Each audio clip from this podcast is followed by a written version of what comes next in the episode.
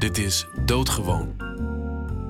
Een podcast over de geschiedenis van alledaagse dingen. Vanuit het Goudkantoor in het hart van Groningen. Met Boyke Teunissen en met mij, Jelte Postumus. Vandaag aflevering 1 over thee. We praten over de oorsprong van de plant in China. Over Europeanen die thee meenamen naar huis. Hoe het bijzondere drankje tot volksdrank werd. We reizen per clipper. We zien theefeestjes, opiumoorlogen en nemen deel aan de Japanse theeceremonie.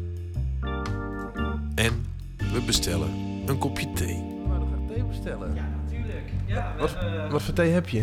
we hebben natuurlijk gewone smaakjes thee, zoals aardbei, bosvruchten, citroen, zwarte thee, eh, in die settings. Maar we hebben ook speciale thees, zoals verse gemberthee, Mhm. verse muntthee en zoethoutthee.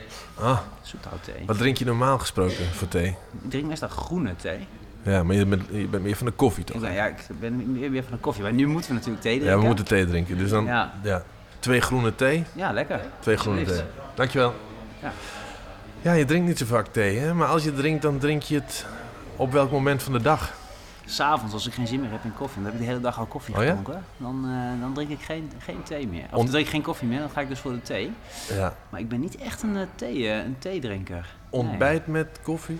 En ja, koffie, water. Hm. Koffie en water eigenlijk de hele dag door. Ja. En vroeger ook? Nee, vroeger eh, melk, hè, kannenmelk. Nooit Maar thee? dronk- ja, ik dronk wel iets vaker thee toen, denk ik. Maar ook niet veel hoor. Met Nee. suiker? Suiker en melk, hè? Dat zo beginnen de meeste, denk ik. Wel lekker hoor. melk. Babythee. Babythee, dat is wat de Engelsen eigenlijk altijd drinken, toch? Ik vind het nog melk. steeds lekker hoor. Eigenlijk, maar ik drink ook liever koffie nu. Ik ontbijt ook met koffie, maar vroeger Ja. altijd met thee. Ja, hè? Maar drie uur theetijd bij mijn ouders. ja, toch wel. Bij jou thuis Geen? Engelse roots? Ja, want in Engeland is het... Tea time? Ja, wanneer is, Ja. hoe laat is dat Vier dan? uur, dacht ik. Vier uur? Of drie uur, vier uur. Ja, voor ons is dat vier uur. Nee. Ja, ja, ja, precies. Ja, maar thee, we gaan het hebben over thee. Ja. Lukt. Iedereen drinkt het, Iedereen neem ik aan. het, Bijna iedereen drinkt het, wel eens. Maar nog niet zo lang. Een paar Nee. eeuwen nog maar eigenlijk hier. Oh, in Europa. in Europa, ja. In China dus al wel hartstikke Ja. lang, hè? China wel, China. eh, daar is de plant ook naar vernoemd, hè? Ja. Camellia sinensis. Ja. Sinensis, dat staat voor China. Camellia, weet je dat?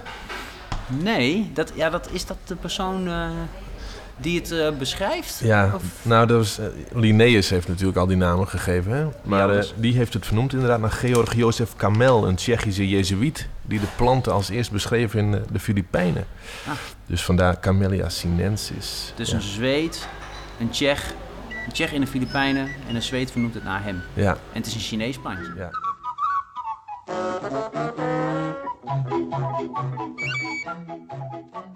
weten eigenlijk wel zeker, 2500 jaar al wordt er thee gedronken. En dat begint dan een beetje in het zuiden van China.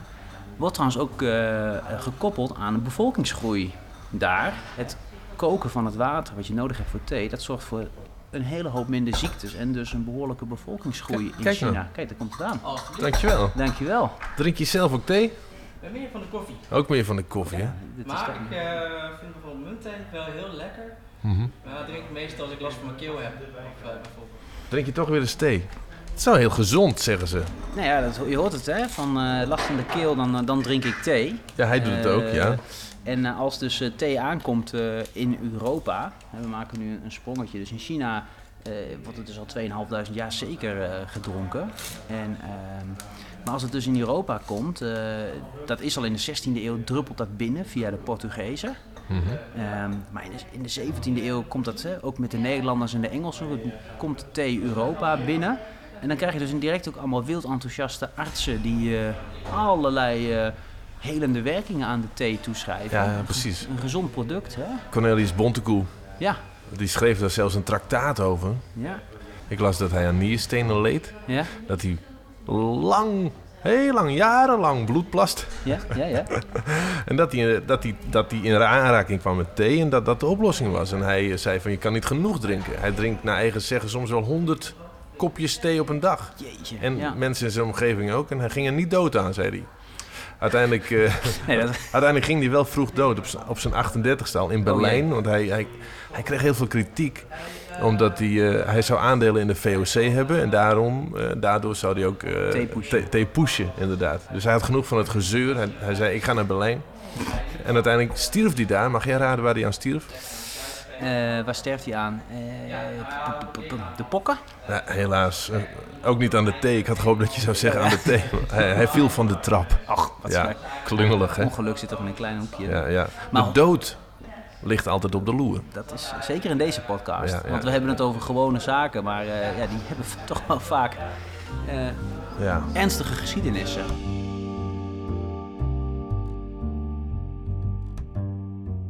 Als, als die thee in Europa aankomt eh, vanuit China, met de VOC, met Engeland, ja, dan, dan is dat natuurlijk een elite drank. Want dat is hartstikke duur. Koffie is eigenlijk al iets eerder, wordt al iets eerder populair.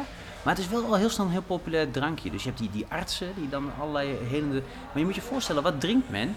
Eh, bier. Dat is eigenlijk het enige wat je drinkt. Water is te onbetrouwbaar. Kinderen krijgen melk, hè, maar dan moedermelk vaak. Bij de... Maar in principe drink je bier, laag alcoholisch bier. Hè, want het is heel anders dan het bier wat we nu drinken. Maar thee en koffie, dat zijn dus eigenlijk twee dranken die je eindelijk eens een keer non-alcoholisch kan drinken. Waar je dus niet eigenlijk eh, eh, ja, duf van wordt, want dat is toch het effect van alcohol. Nee, sterker nog, je krijgt er een beetje een kick van. ja, ook, ook bij thee is dat het, eh, Ja, het het geval. caffe- cafeïnegehalte is behoorlijk toch? Ja, dus je krijgt. Dus het is heel logisch dat mensen denken van wow, wat is dit voor een drank? Lekker, warm, eh, gezond, hè? het water is gekookt, je krijgt er een kick van. Nou, en het is ook, thee is ook bewezen eh, gezond, natuurlijk veel gezonder dan het bier. Ehm, en dat is in het begin weggelegd voor de elite. Hm. En als je aan thee denkt, denk je toch aan Engeland. Hè? Want dat is het theeland van Ja. Europa. Ja. Maar eh, in Engeland wordt het geïntroduceerd door een Portugese. De Portugese prinses, die trouwt met een Engelse koning. Hè? Eh, in, dan zitten we zo'n beetje eind 17e eeuw zitten we. Zij komt aan in Engeland. En naar verluid, het eerste moet je voorstellen, ze komt uit het warme Portugal. Nooit in Engeland geweest, spreekt geen woord Engels. Spreekt Spaans. Beetje gek voor een Portugese prinses, maar goed. Eh, haar man, de Engelse koning, heeft Spaans geleerd. Dus die spreekt haar ook aan in het Spaans. En zij komt aan in dat koude Engeland van de boot. Ze is katholiek in een protestants Engeland. Verschrikkelijk. Dus dat is het eerste wat zij wil bestellen. Een lekker kopje thee. Want dat kennen ze al in Portugal. Lekker Ja. warm, weet je wel. Oh ja. En dan is dat, dat het eerste waar ze om vraagt is... Een kopje thee alsjeblieft. Thee, por favor, waarschijnlijk. Ja. En die Engelsen die weten niet wat ze ermee moeten. Ja. En ze krijgen een, een, een biertje in de handen gedrukt. Oh ja, is dat wat er Ja. gebeurde? Ja? En zij maakt het populair in, eh, in Engeland. eh, want het wordt de drank van de koningin, wordt het Oh, genoemd. En dan begint het in hogere kringen begint het populair te worden. En dan weet je, zo'n olievlek begint het zich een beetje te, eh, te verspreiden. Wij noemden het thee, maar het wordt ook wel chai genoemd, toch? Ja, door de Portugezen. En dat precies, dus ik denk dat die prinses of die koningin het waarschijnlijk chai por favor heeft gezegd. ja, en, het- maar in Spanje is het weer thee. Oh, En ja. in Portugal is het weer chai. Maar chai en thee, dat wordt heel vaak als iets verschillends gezien. ja, hè? maar het Dat- is toch land- en zee Ja, aanvoer? het heeft te maken met waar een land zijn thee vandaan Ja. haalt. Want het, is een, het zijn gewoon... Chai en thee is precies hetzelfde. Het zijn gewoon twee benoemingen voor precies hetzelfde product. Ehm, en ehm, eh, in China heb je de Kantonese, het Kantonese taal, die noemt het chai. En eh, mensen die dus eh, met de Kantonese handelden, dus thee die al via de zijderoute China uitging, dus de binnenlanden in, dus het tegenwoordige nou, Midden-Oosten, Turkije, maar ook Bulgarije, Rusland, zeg maar, die, die contraien, daar wordt het thee wordt chai genoemd, want die handelden rechtstreeks met de Kantonese. De Nederlanders en de Engelsen die halen hun thee op bij de kust. En eh, die handelen daar met, vaak met Maleisiërs of met Han-Chinees en die noemen het thee. Hmm. thee. Dus dan is het thee, tea. Dus je kunt precies in een wereldkaart kun je uittekenen, de zeevarende naties, die, hebben altijd, die noemen het allemaal thee of Hmm. tea of een, een afgeleide daarvan. En de landen die over het land hun thee binnenkregen, die noemen het chai. En de enige uitzondering is dus Portugal, want die zaten er als eerste. En die hebben dus nog via een Kantonese, via Macau, een andere stad, Ja. daar staat de Kantonese handelaren en die krijgen dus chai. Ach, etymologie. Ik hou ervan. Ja. Kijk, ik heb wat thee meegenomen in een doosje ook. Mhm.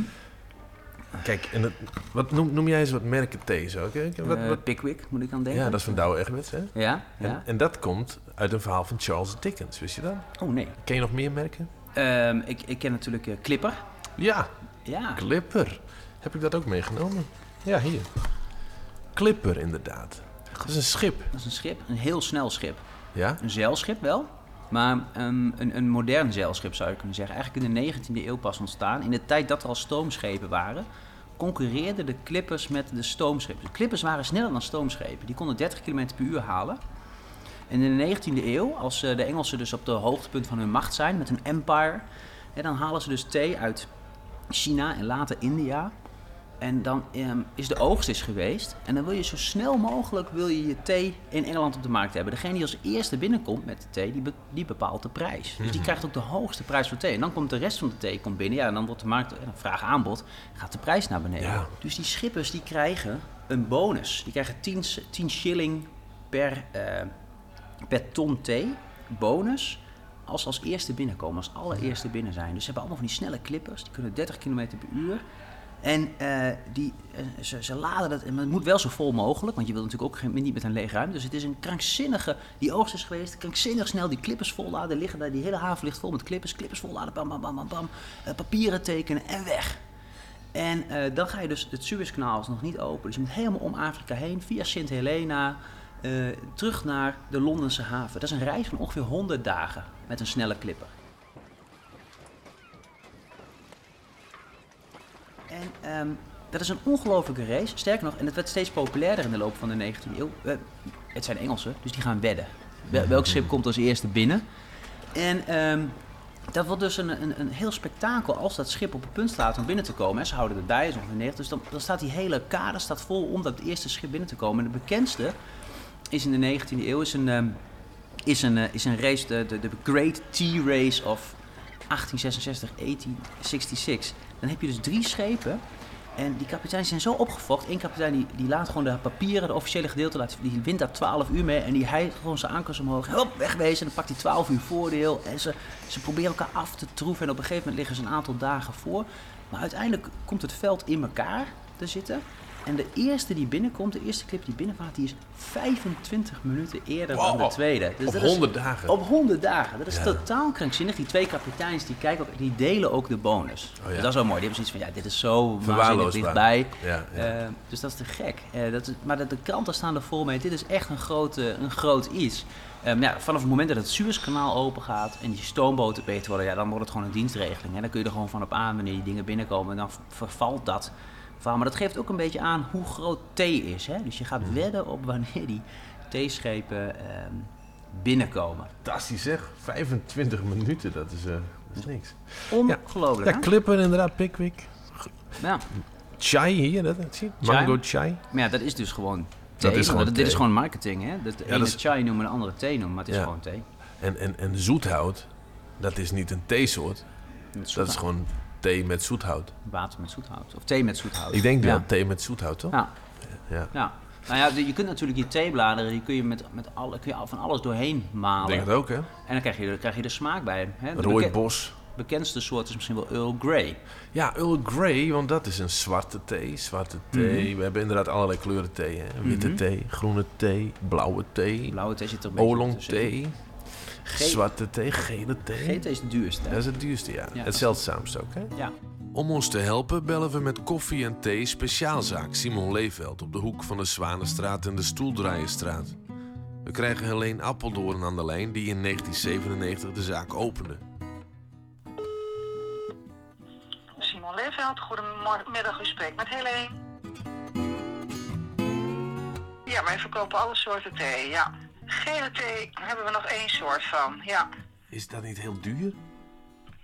Eh, nou, dat is op zich, eh, valt, het, valt het wel mee. Het is duurder dan een, zwarte thee, maar je kunt een, eh, eh, zo'n thee bijvoorbeeld vaker opschenken. Dus dan wordt het in verhouding weer wat goedkoper.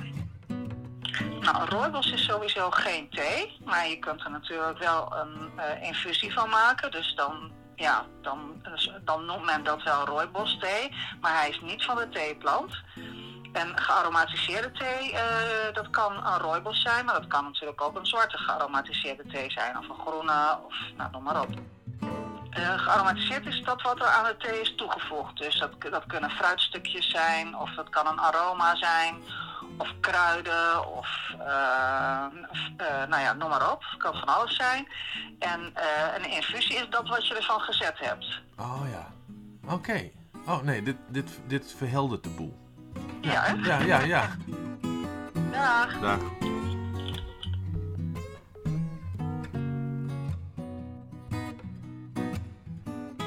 Zwart is volledig geoxideerd. Ja.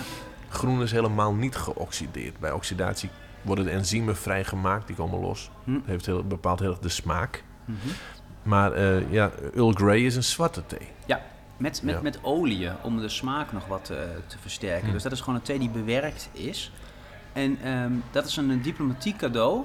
Ik eet even een koekje, want Dat hoort ook bij de thee. je krijgt altijd een koekje bij de thee. Dat is wel lekker. Nou, vertel jij over Earl Ja. Grey, dan eet ik mijn koekje. Ja, Earl Grey is ehm, de premier van Engeland, zo rond 1830.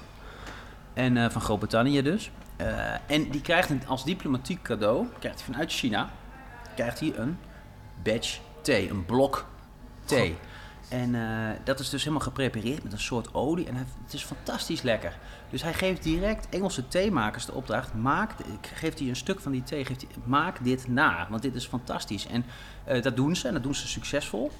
En ehm, hij, hij, hij wil daar geen geld voor hebben. Hij laat het ook niet. ehm vraagt geen patent op aan. Maar het wordt dus wel naar hem eh, vernoemd. Want en vooral zijn vrouw gaat ermee de hort op met, die, met het blok met thee. Ja, dat is natuurlijk de high society. Dus iedereen begint die thee te drinken, die theesmaak. En dat is een gigantische hit. En zo de Earl Grey, wat ook naar hem vernoemd. En zo kennen we hem eigenlijk nog. Ja. Voor de rest kent niemand hem. Het is wel de, bijvoorbeeld de premier die de slavernij afschaft en zo. Hè? Maar Ja, nee, is nee, dat doet Earl niet Grey thee. Hij heeft die thee heeft hij... eh, Ik vind het ook lekkere thee, moet ik zeggen. ja. Ik vind, het is misschien wel mijn favoriete zwarte thee, Earl Grey. Ja, ja. Ja.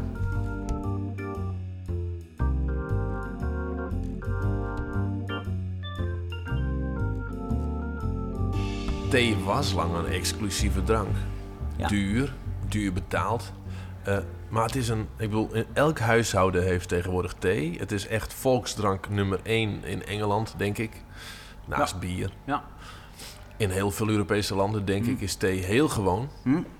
Eh, hoe, hoe, hoe is dat zo gekomen? Want eh, hoe maak je van een exclusief product een inclusief product? Nou ja, thee wordt eigenlijk al best wel snel een volksdrank. Eh, best wel snel betaalbaar. Eh, dat heeft te maken met de concurrentie tussen de Engelsen en de Nederlanders bijvoorbeeld. Met steeds, nou die clippers hebben we het net al over gehad. eh, steeds sneller eh, ehm, je thee vervoeren, steeds grotere hoeveelheden.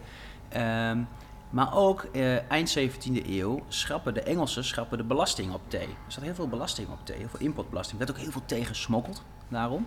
Ehm, maar er zat dus een belasting op. En ehm, de premier die schrapt die belasting. In plaats daarvan gaat hij nu belasting heffen op ramen. Daar gaan we misschien gaan we het een andere keer wel over hebben. Ja. Ja, over doodgewoon hebben we het niet over de gesproken. eh, Japanse gerechten maar over vensterramen. vensterramen. Dus hoeveel vensters er daar gaat belasting in. Dus die belasting gaat van thee af. En dat maakt thee in één keer een stuk betaalbaarder. En nou, thee en koffie zijn dus immens populair. Ehm, en koffie is, maar koffie wordt nooit echt die volksdrank, zeker niet in Engeland. Waarom? Omdat koffie is moeilijker thuis te maken. Thee is natuurlijk heel simpel. Je trekt gewoon wat water eh, met thee en dan heb je het. En eigenlijk, Ja. nu is het nog steeds thee. Hè, je hebt een koffie, je hebt een koffiezetapparaat voor. Ehm, dus dat wordt al heel snel een, een volksdrank. Heel populair. Hè? Je hebt bijvoorbeeld eh, begin eh, 18e eeuw, hè, rond 1720, schrijft een Amsterdamse eh dominee, hè, die schrijft in zijn dagboek, beschrijft hij zijn verbazing. Zegt, ja, 40 jaar geleden had je, hoorde je niemand over thee en koffie. En inmiddels kan de stad niet meer zonder. Hè? Men functioneert niet meer. Het gaat de hele tijd over koffie en thee.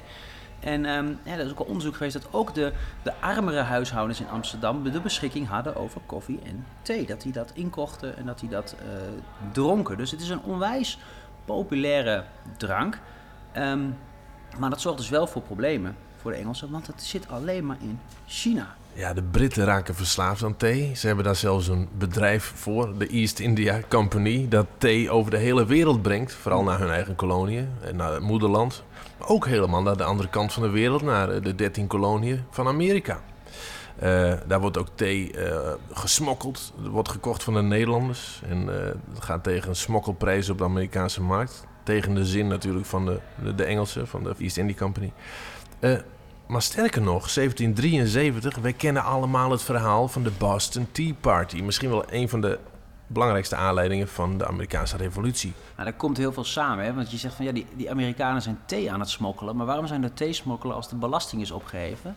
Maar die is dus niet opgeheven in, Eng- in, eh, in Amerika, alleen in Engeland zelf. Dus dat is ook heel typisch hoe de Britse regering omging met de kolonie. Dat was ook gewoon een melk, eh, melkkoe. Alles werd belast, hè? Ja, de, gekste dingen. Eh, maar ook dus inderdaad thee. Thee. En, Ja. en, en dat is ook in, in, in, eh, de, de, in Amerika, in de kolonie, is thee ook een ongelooflijk populaire drank. En de East India Company, de, de, Britse VOC, zeg maar, die handelt dus in thee.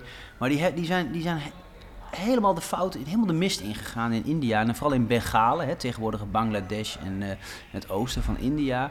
Eh, daar hebben ze compleet mis. Gigantische, ehm, gigantisch veel thee hebben ze ingekocht. Eh, veel te veel. Hebben ze allemaal op voorraad, eh, gewoon slecht voorraadbeheer. Dus dat moeten ze nu heel snel kwijt. Eh, want anders kunnen ze daar geen geld meer voor krijgen. Daarnaast ongelooflijk corrupt. Ze hebben daar ook een, veroorzaken een hongersnood waar echt miljoenen mensen aan, aan sterven. Dat is een van de grootste hongernoden uit de geschiedenis. Dus dat is niet allemaal heel fris. Maar die gigantische partij thee die moet nu worden afgezet. En dat, daarvoor kiezen ze de Amerikaanse kolonie. Want hè, de East India Company is too big to fail. Het mag niet failliet. Het is eigenlijk een bedrijf, maar de Britse regering zegt... nee, moeten we redden. Ja. Dus, du- dus ze dumpen het tegen dumpprijzen op de Amerikaanse markt. Ja, en dat is voor heel veel eh, mensen in de kolonie is dat een soort van druppel van ja, dit, dit, dit gaat ons veel te ver. En dan krijg je dus inderdaad het beroemde tafereel in de haven van Boston. Mensen die s'nachts aan boord en, en het- een theelading overboord gooien. Ik, ja, Ja. eh, Ja, dat- dat- Er liggen drie schepen. eh, er waren eigenlijk vier schepen. Volgens mij waren er meerdere schepen op weg naar verschillende steden. Vier zouden naar Boston. Eén is bij Cape Cod vergaan, vol met thee. Kun je nagaan. De andere drie lagen inderdaad te wachten om de haven nog binnen te gaan, dacht ik. En de Sons of Liberty, zoals ze Ja. ze- zichzelf noemden, gingen verkleed als Mohawk-Indianen. Merkwaardig genoeg, hè? Dat vind ik toch zo gek. Dat ze zich verkleden als Indianen, heb ik nooit helemaal goed kunnen uitleggen. nee, ja, je ziet oorspronkelijke vrije... Ja, maar dat is ook gek. Ja, hè? Het ja. is heel raar. Heel raar, maar verkleed als indianen gaan ze die schepen op en, en flikkeren ze daar eh, die kisten de haven in. Ja, wat een beeld. Wat Maar een beeld. het is, je denkt van het gaat om een paar kisten, maar dat is een, een waarde, heeft een waarde van 18.000 pond in die tijd. Dat is- Toenmalige waarde. Ja, precies. Dus Ja. het is een gigant, dat is een jaar voorraad thee die daar. En, en dus dat was genoeg om de doodstraf voor te krijgen. Zoveel waarde vertegenwoordigde die thee. Dus het was, echt, het was echt een hele bewuste provocatie. Ze wisten dat de Engelsen daarop moesten ehm, reageren. hè. No taxation without representation. Ze dat mogen was in ieder geval uiteindelijk. niet meepraten Ja, over ja. wat er gebeurt. En, Ja. dat, dat, eh, en de Britse die krijgt, de, die krijgt het eh, voor zijn kiezen. Want die wordt dus letterlijk met pek en veren ingesmeerd. Ja, met pek en veren. En ja. eh, in, eh, tijdens die Boston Tea Party. Die gaat naar huis. Want dat is ongelooflijk pijnlijk. Hè? Want dan moeten ze al die dat moet allemaal weer van je lichaam af. Al die, die pek. Dus dat, is, dat schraapt en je, je neemt stukken huid neem je mee. En het is vreselijk. En hij had al een keer gezegd, ja, de, de, de situatie wordt hier onhoudbare spanningen lopen op. Ik moet ondersteunen of ik moet... Nou, hij krijgt geen hulp. En heeft hij al die pek en veren heeft hij van zijn lichaam. En een dag later pakken ze hem weer. Wordt hij weer met pek en veren ingesmeerd. Goh, dat klinkt, man. het klinkt als een lachertje, pek en veren. Maar ja, het is nee, nee. ongelooflijk pijnlijk. En dan moest Ja. hij dus weer al die pek, dat is helemaal in zijn huid gebrand. Dus hij neemt echt hele stukken huid, neemt, hij- moet hij van zichzelf meeschrapen. Met een keiharde borstel moet je dat van zeggen. En uiteindelijk stuurt hij dan een brief naar Londen van, met een verzoek of die ontheven mag worden van zijn post. Vanwege alle turbulentie, alle verschrikkelijke gebeurtenissen. En dan stuurt hij, om zijn verzoek te ondersteunen, stuurt hij dus een stuk van zijn huid stuurt hij mee. Twee keer schoongeschrokken. En verzoek wordt ingewilligd. Hij Oh, ja. mag naar Londen, ja. Dus eh, hij is ik- blij. Ik heb daar nooit zo over nagedacht. Dat met pek en veren, dat, wat voor consequenties dat heeft voor je lijf. Ja, dat is niet best. Nee.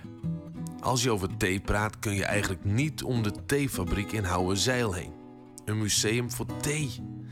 Praten met oprichter en directeur Johan Lange. de theefabriek in Oudezuil met Johan Lange. Nee, ik drink alleen eh, s s'morgens eh, rond een uur of tien eh, drink ik twee kopjes koffie en dan weet ik de rest van de dag weer hoe lekker thee is. Oh ja, precies. Ja, thee is zo'n alledaags product.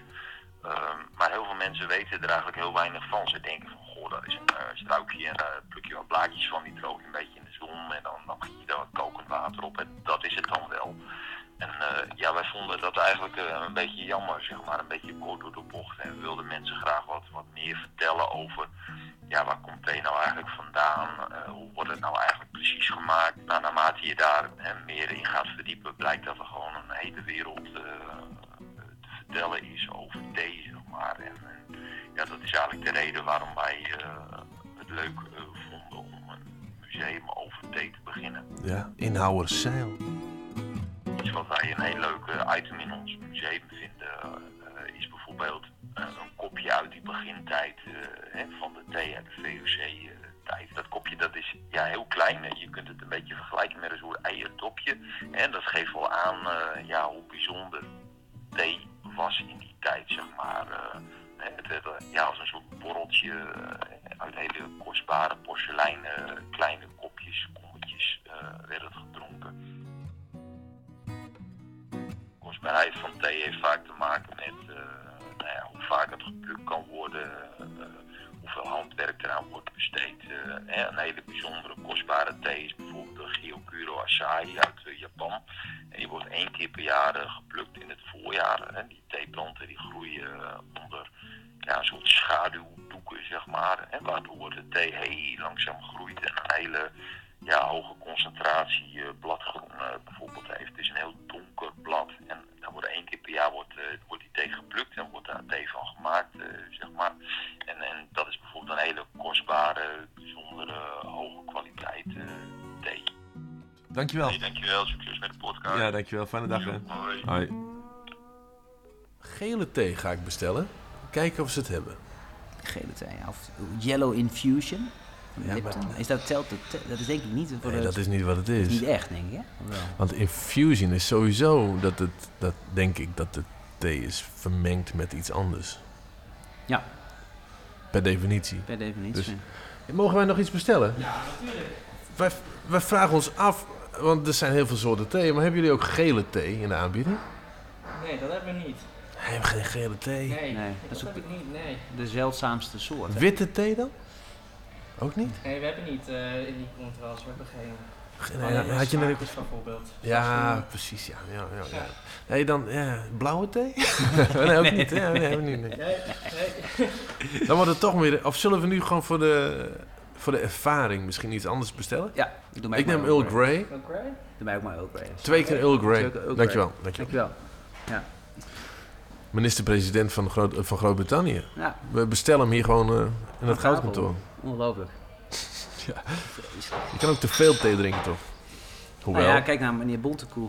Bontekoe zegt van niet. Ja. Nou ja, maar die valt wel op zijn 38ste van een trapje af. Ja, misschien licht in het hoofd van al die thee. Ik kan me niet anders voorstellen. zeggen? Als je 100 kopjes per dag drinkt. Waarschijnlijk moest hij snel ervan af om naar de wc te gaan. Dat is precies wat ik net te denken. 100 koppen thee per dag, ja. Maar hij kwam wel mooi van zijn niersteen af, hè? dat is wel, ja, die is waarschijnlijk gewoon uitgeblust.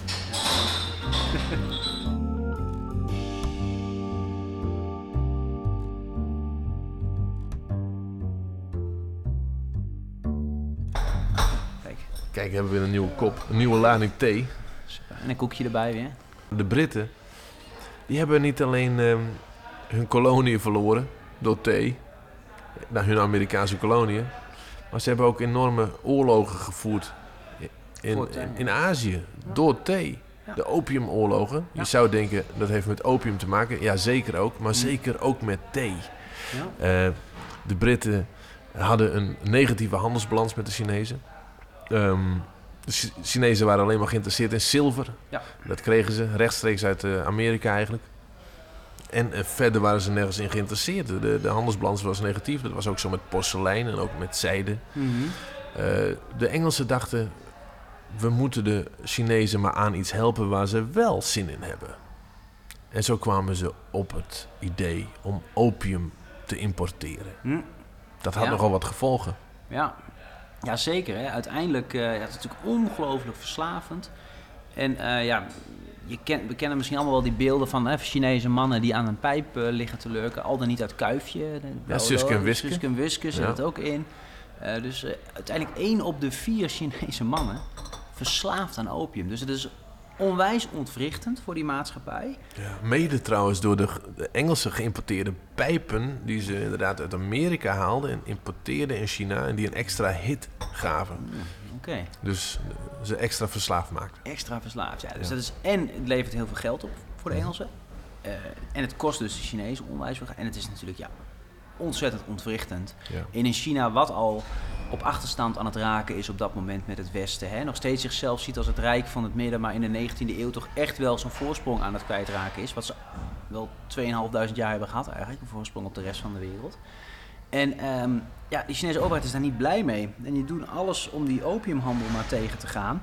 Maar die Engelsen die, die stimuleren dat, die laten dat lekker. Die zitten daar in Noord-India en ook het tegenwoordige Afghanistan, wat nog steeds natuurlijk een rijke bron is van papavervelden. Die zijn daar toen eigenlijk lekker uh, allemaal aangelegd om uh, die grens over richting China mensen aan opium helpen. De Chinese overheid probeert dat tegen te gaan. Op een gegeven moment gaat een douanebeambte, uh, die, die gooit opium in het water. Eigenlijk net als een soort van tea party, maar dan opiumvoorraden vernietigen. Ja, en dan eh, zeggen de Engelsen tot hier en niet verder.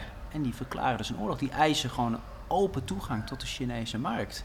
En dat zijn de opiumoorlogen. Daar zijn er twee van in totaal. En die verlopen dramatisch voor China. Eh, niet alleen de Engelsen, maar ook de Fransen eh, die sluiten zich eh, erbij aan. De Europese grootmacht. En China wordt eigenlijk opgedeeld. Eh, het blijft wel onafhankelijk officieel, maar de Europese landen kunnen eigenlijk gewoon gaan en staan wat ze willen. eh, kunnen gaan en staan waar ze willen. Kunnen doen wat ze willen. Krijgen vrij, een soort van vrijbrief in die, in die havens. En de Chinezen die, die worden niks wijzer meer van die handel. Idioten. En het is. eh, Idiote geschiedenis, hè? ja, Eerst, eerst verslaafd maken. Daarna openlijke toegang eisen tot de markt. Eigenlijk ehm, is vlak voor die opiumoorlogen zou misschien het punt zijn geweest dat het niet meer nodig was. Want vlak voor die opiumoorlog is er voor het eerst een Engelsman die succesvol theeblaadjes en zaadjes de Himalaya oversmokkelt. Ja, precies. Ze willen natuurlijk dat monopolie omzeilen. Ja, en dat lukt dus. Alleen ja, dan duurt het natuurlijk nog heel lang voordat je... En je weet niet zeker of dat lukt. Dus één iemand, Ja, Ja. één man, Genaamd- smokkelt... Hoe heet die? Fortune. ja, dat is prachtig, prachtig. natuurlijk, hè, Fortune. En, en die, dat is, ja, het is een krankzinnig verhaal, want die, die loopt vier jaar loopt hij door China.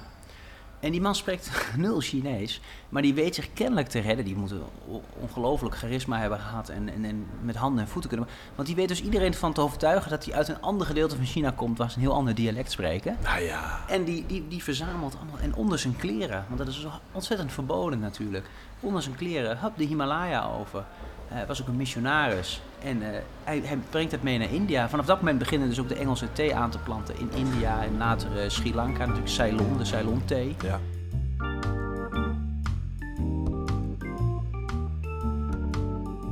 Het zit hier wel goed. Het zit hier wel goed in het goudkantoor. En we kijken uit op de grote markt zo'n beetje. We kijken hier op, uit op het Wagenstraatcomplex natuurlijk van, van de Italiaan Natalini.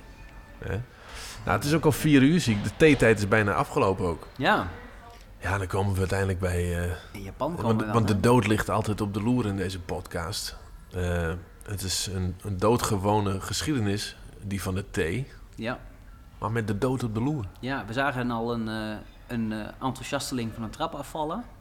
Maar het kan nog veel directer, want ja, als je het hebt over theerituelen, heb je het over, over Japan. Dat is het bekendste theeritueel, ook het meest uitgebreide theeritueel. En dat is eh, nauw verbonden met het zen-boeddhisme.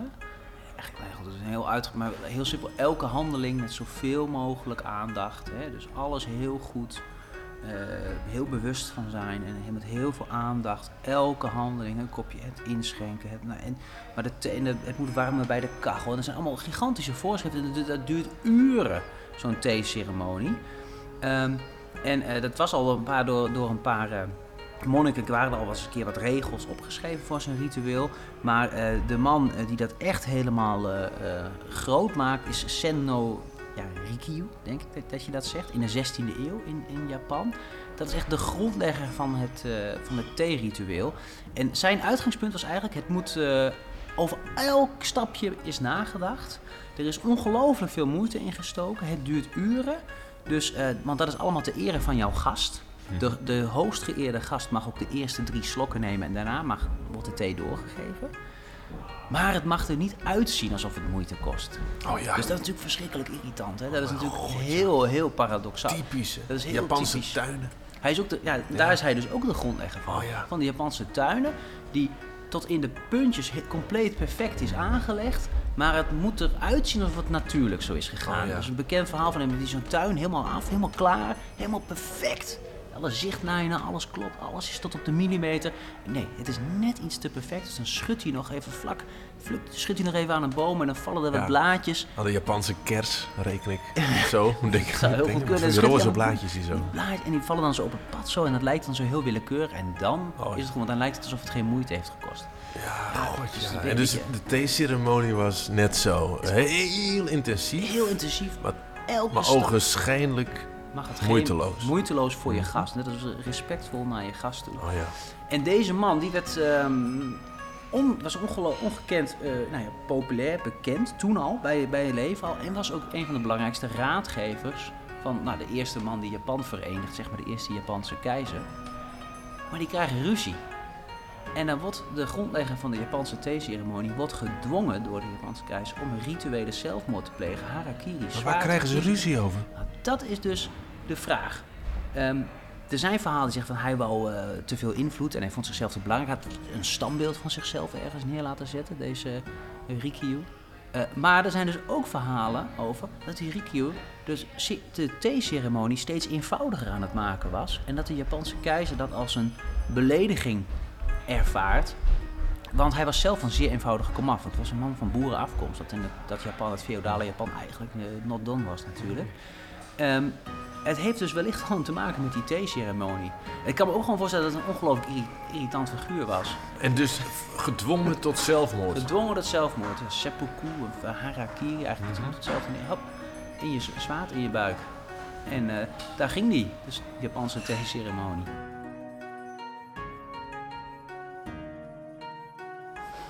Zo, thee. Oftewel Camellia sinensis. Dankjewel. Jij bedankt. Het staat even lekker hier. Uh, over een maand weer ongeveer, stel ik voor. Ja. Ja, wat we dan zullen doen, dat houden we misschien nog even geheim. Maar we hebben, we hebben een hele reeks ideeën. Dat kunnen we wel zeggen. Ja, dat, er is zoveel dood gewonnen. Is zoveel dood gewonnen. Ja, en de luisteraar mag ook best suggesties doen. Hè? Ja. We willen ook uh, alles uitzoeken. Daar zijn wij uh, niet te beroerd voor. Wij houden van het vak. Dus uh, kom met suggesties. Maar voorlopig hebben we er genoeg hoor. Zo is het ook. Ja. tot de volgende keer. Bij Doodgewoon.